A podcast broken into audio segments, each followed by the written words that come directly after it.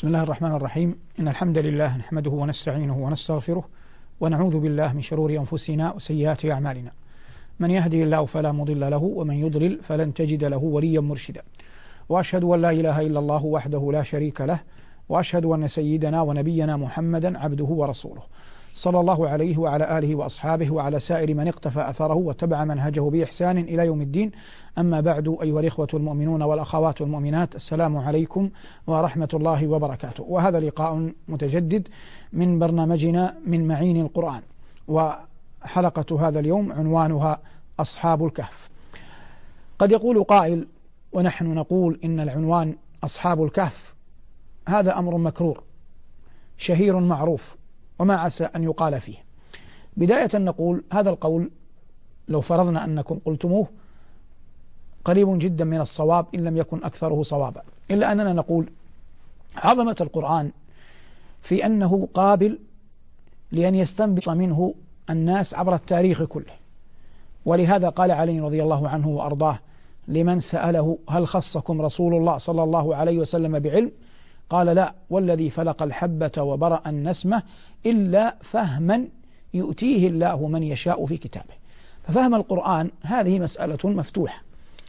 والاستسقاء من معين القرآن الذي هو الفكرة العامة لهذا البرنامج نعتمد فيها على ما الملحوظات في الغالب نسعى أن تكون غير شهيرة حتى يكون ثمة فائدة ولا يكون في البرنامج شيء أو كثير من التكرار. نقول كلمة أصحاب في الأصل كلمة فضفاضة واسعة كبيرة الظل فتكون قد تكون أحيانا في الطرف الأيمن وقد تكون في الطرف الأيسر. مثال قال الله جل وعلا وما صاحبكم وما صاحبكم بمجنون وما صاحبكم بمجنون. وقال إذ قال لصاحبه لا تحزن. فالأصحاب في في في الآية وما صاحبكم بمجنون تتكلم عن علاقة النبي صلى الله عليه وسلم بكفار قريش. وهي لا تتعدى أكثر من كونها علاقة داعية مع مدعوين لم يستجيبوا. أما قول الله جل وعلا إذ قال لصاحبه تتكلم عن علاقة النبي عليه الصلاة والسلام بالصديق وهي في الذروة من العلاقات الإنسانية. فاللفظ واحد كلمة صاحب. لكن شتان ما بين الأمرين. وما بين هذا الطرف الأيمن والطرف الأيسر درجات ومنازل لا يعلمهن إلا الله جل وعلا من كثرتها. نعود للكهف. الآن عرفنا الأصحاب باقي الكهف. الكهف فجوة آه، غار لكنه غير ضيق في الجبل. أما الرقيم اختلف فيه لكن القرآن جاء بتفسير الرقيم بأنه اللوح المحفوظ اللوح المكتوب. ليس اللوح المحفوظ الذي عند ربنا لا اللوح المقصود أي لوح يكتب عليه يسمى رقيم. قال الله جل وعلا كتاب مرقوم أي مكتوب. فالمعنى أصحاب الكهف والرقيم أصحاب الكهف نسبة إلى الكهف الذي آووا فيه. والرقيم نسبة إلى أنه كتبت أسماؤهم وعلقت بجوار الكهف على أظهر الروايات. هؤلاء أصحاب الكهف ممكن أن نتناولهم من مبحثين. المبحث الأول قد لا يكون هناك طائل وراءه ألا وهو في أي زمن كانوا ما أسماؤهم في أي بلدة كانوا هذا لم يتعرض له القرآن. لكن جملة يمكن القول والعلم عند الله أنهم في الزمن الذي ما بين موسى وما بين عيسى صلوات الله وسلامه عليهما. هذا قول قوي. وأنهم كانوا في أرض الشام هذا أظهر النقول والروايات والإسرائيليات المقبولة على أنهم كانوا في أرض الشام. أما أسماءهم فهذا يعني الوصول إليه قد يكون ضربا من المحال لأن الغيب لا يعرف بالعقل ولا بالتجربة إنما يعرف بالعلم نفسه. ونحن لا نملك نصا صريحا صحيحا واضحا ظاهرا على قضية تسمية أصحاب الكهف. وهذا كله لم يتعرض له القرآن. والبرنامج اسمه من معين القرآن. وما لم يتعرض الله له لن نتعرض له لأننا نريد أن نستوحي نحن نستقصي فوائد. ولا يكون هذا بالتعرض لما لم يتعرض الله له. نعود إلى القضية. الصراع ما بين قريش والنبي صلى الله عليه وسلم أخذ أشكال عدة ولم يكن هناك حرب. ما دام ما في قتال ما أذن بالقتال ما في حرب الصراع حيكون صراع سياسي صراع فكري صراع إثبات رأي. فذهبت ثلة من قريش إلى اليهود يريدون أن يقيموا حجة على نبينا صلى الله عليه وسلم. أشارت اليهود على قريش أن يسألوا النبي عليه الصلاة والسلام أسئلة. من هذه الأسئلة أن يسألوه عن فتية ضاعوا في غابر الأزمان فإن لهم نبأ عجبا. فجاء هذا الوفد القرشي إلى النبي عليه الصلاة والسلام وسألوه عن فتية ضاعوا في غابر الأزمان. والرسول لا يعلم الغيب فوعدهم أن يخبرهم ونسي أن يقول إن شاء الله. ثم إن الله جل وعلا عاتبه في آخر الآيات كما هو معلوم ولا تقولن لشيء إني فاعل ذلك غدا إلا أن يشاء الله لكن الله رحم نبيه ولطفه به وأيده وأخبره الخبر بالقرآن. قال الله أم حسبت خطاب للنبي أن أصحاب الكهف والرقيم كانوا من آياتنا عجبا. يظهر أن القرشيين أعطوا فكرة مبالغ فيها عن أصحاب الكهف حتى هولوا الأمر النبي عليه الصلاة والسلام وربما وهذا ظاهر القرآن ولا أجزم به استقر عنده صلى الله عليه وسلم أن أصحاب الكهف والرقيم من أعظم آيات الله. فالله بداية يريد أن يذهب هذا الأمر. قبل أن يقص على نبيه من هم أصحاب الكهف ما خبرهم ما حالهم أراد أن ينزع منه فكرة ما استقر في ذهنه أنهم أنهم آية عظيمة. نعم هم آية من آيات الله لكنهم ليسوا أعظم آيات الله. فقال الله جل وعلا أم حسبت أن أصحاب الكهف والرقيم كانوا من آياتنا عجبا؟ ليسوا هم أعجب ما جعل الله جل وعلا من آيات خلق السماوات والأرض أكبر من خلق الناس ولكن أكثر الناس لا يعلمون. موضوع الشاهد بعد أن نزع الله هذا من قلب نبيه أعطاه التعريف بأصحاب الكهف. إنهم فتية شباب في سن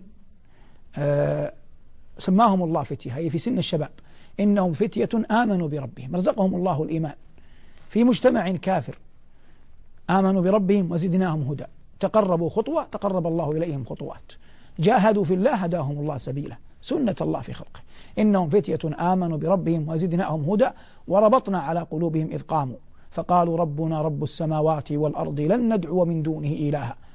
ثبتوا على التوحيد. لقد قلنا إذا شطط. أي لو وقع منا أن ندعو مع الله إلها آخر فهذا هو الشطط بعينه. ومدحهم الله قال وزدناهم هدى. أتاهم الله جل وعلا معالم الهدى حتى يستنيروا قبل أن يصلوا إلى ربهم. فيصلوا إلى فيصلون إلى ربهم وقد أتم الله جل وعلا عليهم النعمة. الآن هم خائفون وجلون لا يدرون أين يذهبون. قرروا أن يذهبوا إلى كهف. قال الله جل وعلا عنهم لقد قلنا إذا شطط. ثم ذكر الله تبارك وتعالى عنهم أنهم قالوا هؤلاء قوم اتخذوا من دونه آلهة لولا يأتون عليهم بسلطان بين فمن أظلم ممن افترى على الله كذبا وإذ اعتزلتموهم وما يعبدون إلا الله. أصحاب الكهف كانوا أقلية على الحق وقومهم كانوا أكثرية على الباطل. والمؤمن أو الأقلية المؤمنة الأصل فيها أن تجاهد الأكثرية الكافرة. نعيد. الأقلية المؤمنة الأصل فيها أن تجاهد الأكثرية الكافرة. فإن كان وضعها العسكري السياسي الاقتصادي الأمني العام لا يساعدها على الأكثرية الكافرة شرط أن تكون كافرة. لا يساعدها على صراع الأكثرية الكافرة تأمد إلى الاعتزال إلى الهجرة إلى الاعتزال والهجرة وهذا هو الذي صنعه أهل الكهف.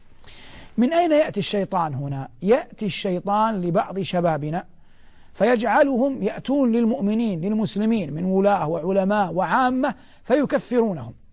ثم إذا كفروهم عاملوهم بمعاملة أهل الكهف لخصومهم آنذاك. وشتان بين اليزيدين في الندى شتان ما بين المشرق والمغرب شتان ما بين الكافر والمؤمن. وهذا والعياذ بالله من تلبيس إبليس على الناس. وأنهم يأتون إلى أشياء مجزوءة أو يأتون إلى أشياء وفق تفكيرهم. وبعض الناس إذا أراد أن يفعل خطأ أول الأمر يبرره لنفسه. حتى إذا حججته أن هذا الأمر خطأ رد عليك بالتبريرات التي قد سوغها لنفسه وهذا والعياذ بالله من الضلالة بمكان. نعود لما نحن فيه. هؤلاء الفتية المؤمنون قرروا اعتزال الجماعة. وإذا اعتزلتموهم وما يعبدون إلا الله فأووا إلى الكهف. ينشر لكم ربكم من رحمته ويهيئ لكم من أمركم مرفقا أحسنوا الظن بالله فكان الله لهم أعظم مما ظنوه به جل جلاله. فأووا إلى الكهف كما قال الله جل وعلا. الكهف فجوة واسعة. ولهذا قال الله وهم في فجوة منه في مكان واسع. كهف له باب وهم في فجوة واسعة منه. ما تتصور؟ المتصور أن تكون الشمس تحرقهم لأن ليسوا في مكان خفي. الله يقول وهم في فجوة منه. ومع ذلك قال الله جل وعلا رحمة بهؤلاء وترى الشمس إذا طلعت يقول لنبيه تزاوروا عن كهفهم تزاور يعني تميل. قال عنترة فازور من وقع القنا بلبانه يعني مال تكلم عن عن فرسه واللبان الصدر. فيقول إن هذا الفرس يميل وينحرف عن وقع القنا عن وقع السهام والرماح التي يراد بها تراد به. المقصود الله يقول وترى الشمس إذا طلعت تزاور عن كهفهم ذات اليمين وإذا غربت تقرضهم ذات الشمال القرض القطع يسمى المقص مقراض لأنه يقطع فالله يقطعها عنهم ذات الشمال وهم في فجوة منه هذا أمر لا يقع عادة طبيعة لهذا قال الله ذلك من آيات الله ذلك من آيات الله وقد قال بعض العلماء بخلاف هذا لكن أنا أنا أختار الرأي الذي نرجحه ولا حاجة للإطناب والإكثار من ذكر الأقاويل. ذلك من آيات الله. من يهدي الله فهو المهتد. ومن يضلل فلن تجد له وليا مرشدا. الضائع بحق كما سيأتي في لقاء مخصص للتوفيق الضائع بحق من خذله الله. والمسدد الموفق من أعانه الله وهداه. ولهذا قال الله من يهدي الله فهو المهتد ومن يضلل فلن تجد له وليا مرشدا.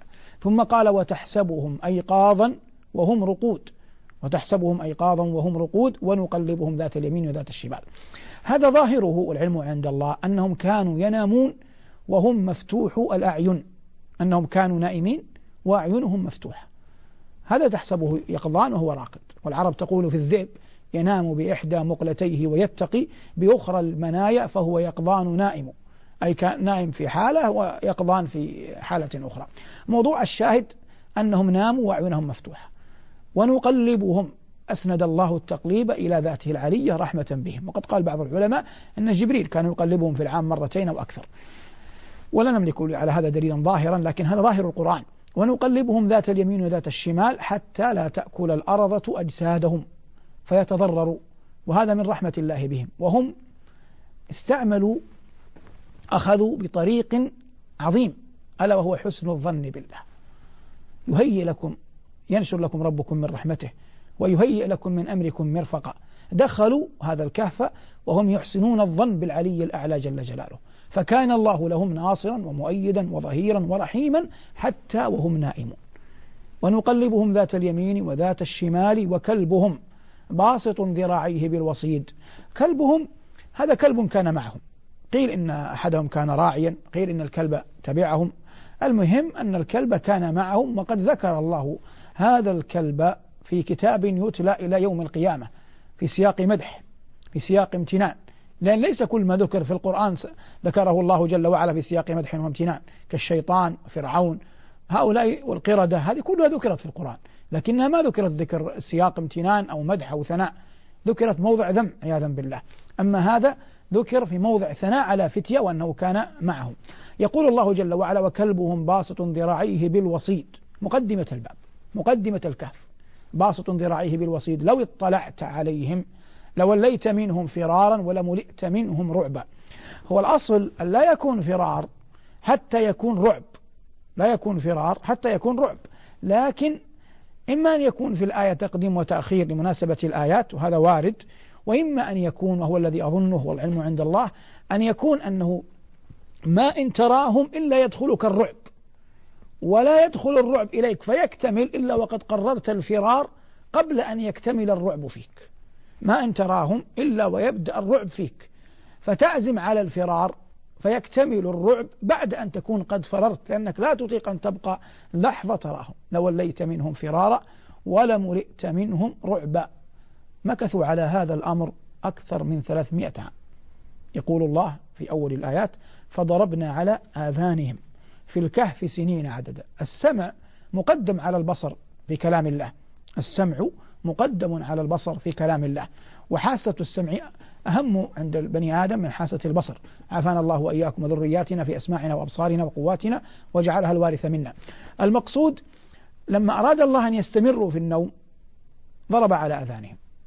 فوقع ما أمر الله ثم بعثهم الله. قال الله جل وعلا ثم بعثناهم ليتساءلوا بينهم. هذا البعث ليس بعث القيامة إنما البعث من النوم. ثم بعثناهم ليتساءلوا بينهم. قال قائل منهم الآن أخذوا يتجاذبون أطراف الحديث. قال قائل منهم كم لبثتم؟ قالوا لبثنا يوما أو بعض يوم. وهذا يدل على أنه لم يتغير شيء فيهم. وهذا أنا قلته في دروس عدة منشورة معروفة. وهو أنه لو كان هناك تغير على أبدانهم. مثلا طالت أشعارهم احدودب ظهرهم شابت رؤوسهم. لما قالوا يوما أو بعض يوم هذا لا يقوله عاقل. لكن هم هم الآن عندما قاموا ونظر بعضهم إلى بعض فطنوا إلى أن أي شيء في أجسادهم لم يتغير. ولهذا قال الله جل وعلا قال قائل منهم كم لبثتم؟ قالوا لبثنا يوما أو بعض يوم. قالوا بل لبثتم قالوا ربكم أعلم بما لبثتم. أحيانا من الكلفة تكلف أن يبحث الإنسان في أشياء لا يفقهها أو يعني لا طائل من ورائها أو لا تقدم ولا تؤخر. هذا يكون بقدر. قالوا ربكم أعلم ما لبثتم فابعثوا أحدكم بورقكم هذه. العاقل يعالج المشكلة الحالة التي تصل إليه. هم الآن جوعى لهم سنين في مرقد شع شعروا بالجوع فابعثوا أحدكم. ليس من العقل أن تذهبوا كلكم تهلكوا. فابعثوا أحدكم بورقكم فضة. إلى المدينة يطلب طعام فليأتكم برزق منه. فلينظر أيها أزكى طعاما فليأتكم برزق منه. وكلمة أزكى طعاما فهم منها بعض العلماء أنهم أولاد أثرياء وليس هذا ببعيد. فليأتكم برزق منه وليتلطف. لا يشغب عليكم فيدل عليكم. ولا يشعرن بكم أحدا. لماذا؟ إنهم إن يظهروا عليكم يرجموكم أو يعيدوكم في ملتهم. فكان همهم هؤلاء الفتية ألا يتعرضوا لفتنة تردهم عن دين الله جل وعلا. والعاقل لا يرمي لا يرمي بنفسه في مواطن الفتن ثم يقول يا ليت لم يا ليت الذي وقع لم يكن قد حصل. فهؤلاء خافوا على دينهم ولا يوجد شيء يملكه الإنسان أعظم من دينه. فأي موطن قرب أو بعد سهل أم صعب؟ غلب على ظنك أنك ستفقد فيه الكثير من دينك أو القليل ينبغي عليك أن تنأى بنفسك عنه. إنهم إن يظهروا عليكم يرجموكم أو يعيدوكم في ملتهم ولن تفلحوا إذا أبدا. قال الله وكذلك أعثرنا عليهم. يعني أطلعنا الغير عليهم ليعلموا أن وعد الله حق. الله جل وعلا يبعث آيات تدل على قدرته على إحياء الموتى. فبعث أهل الكهف وإن كان يعني أمرا آه، ليس واقعا في الآخرة لكن طول المدة 300 عام ثم إن الله بعثهم فيها إشارة تعليم للعباد أن الذي أرقد آه، كتب النوم والرقد والرقد على والرقد على هؤلاء قادر على أن يبعثهم يوم القيامة ليعلموا أن وعد الله حق وأن الساعة لا ريب فيها. هذا مثل مثل إنزال المطر إن الذي أحياها أي الأرض لمحيي الموتى.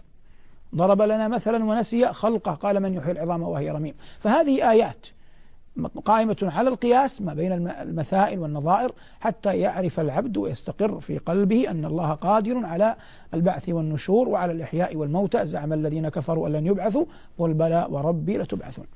يقول الله وأن الساعة لا ريب فيها إذ يتنازعون بينهم أمرهم. تنازعون من الذين يتنازعون؟ أظهر الأقوال قيل علماء تلك الطائفة. وقيل العامة والوالي لكنهما كانوا طائفتين وأكثر قال قال الله جل وعلا إذ يتنازعون بينهم أمرهم قالوا ابنوا عليهم بنيانا ربهم أعلم بهم. فقال أهل الشوكة أهل الغلبة لنتخذن عليهم مسجدا. نبني عليهم مسجد وهذا مما حذر النبي صلى الله عليه وسلم أمته منه لعن الله اليهود والنصارى اتخذوا قبور أنبيائهم مساجد. فالقبور تبقى قبور. لا يصلى إليها ولا عليها. وإنما تبقى قبور ومنازل آخرة ومساكن موتى أهلها هم في حاجة إلى الدعاء هم في حاجة إلى أن يستغفر لهم في هم في حاجة إلى أن تؤنس وحشتهم بالسلام عليهم. أما الله جل وعلا جعل المساجد مواطن لعبادته ولم يجعل المشاهد ولا الأضرحة ولا القبور ولو كانت قبورا للصالحين وقبور الأنبياء موطنا لعبادته تبارك وتعالى.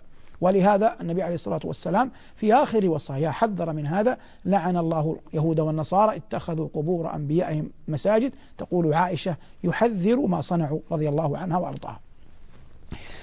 قال الله جل وعلا بعد ذلك يتكلم عن عددهم عن الصراع الفكري الحاصل حول عددهم. فقال جل وعلا سيقولون ثلاثة رابعهم كلبهم ويقولون خمسة سادسهم كلبهم رجما بالغيب. ويقولون سبعة وثامنهم كلبهم قل ربي أعلم بعدتهم ما يعلمهم إلا قليل. كان ابن عباس رضي الله تعالى عنهما يقول أنا من القليل الذين يعلمونهم يعلمون عددهم هم سبعة وثامنهم كلبهم. وهذا اختاره كثير من العلماء والعلم عند الله. وقد قال العلماء إن في الآيات قرائن على أنهم سبعة وثامنهم كلبهم لكن الحق أنها لم تتضح لي. لكن نقول ما قاله الأكثرون هنا أنهم سبعة وثامنهم كلبهم ولا نجزم به. وثامنهم كلبهم قل ربي أعلم بعدتهم ما يعلمهم إلا قليل فلا تماري فيهم لا تجادل لا تأخذ تعطي معهم إلا مراء ظاهرا يعني بلغة العصر اليوم من بعيد لبعيد في ثمة أشياء المخاطب أمامك الشخص المقابل لا يملك تلك العقلية والأهلية التي أن تستطيع أن تدخل معه في آه، يعني كنه أو ماهية أو لب الحديث آه، الحواري. قد لا يملك ما تملكه أنت. فليس هناك داع إلى أن تخوض معه إلى في طريق أن تعرف نهايته من قبل أنه لن يستمر ولن يقدر أن يجاريك. فالله يقول لنبيه وأين مقام النبي من مقام كفار قريش؟ وأين ضعف عقولهم من رفعة عقل نبينا صلى الله عليه وسلم؟ فقال الله جل وعلا نبيه فلا تماري فيهم إلا مراء ظاهرا ولا تستفتي فيهم منهم أحدا. لماذا؟ لأنهم لا يعلمون. ولا تستفتي فيهم منهم أحدا. ثم ذكره بأصل القصة. قال له ولا تقولن لشيء إني فاعل ذلك غدا.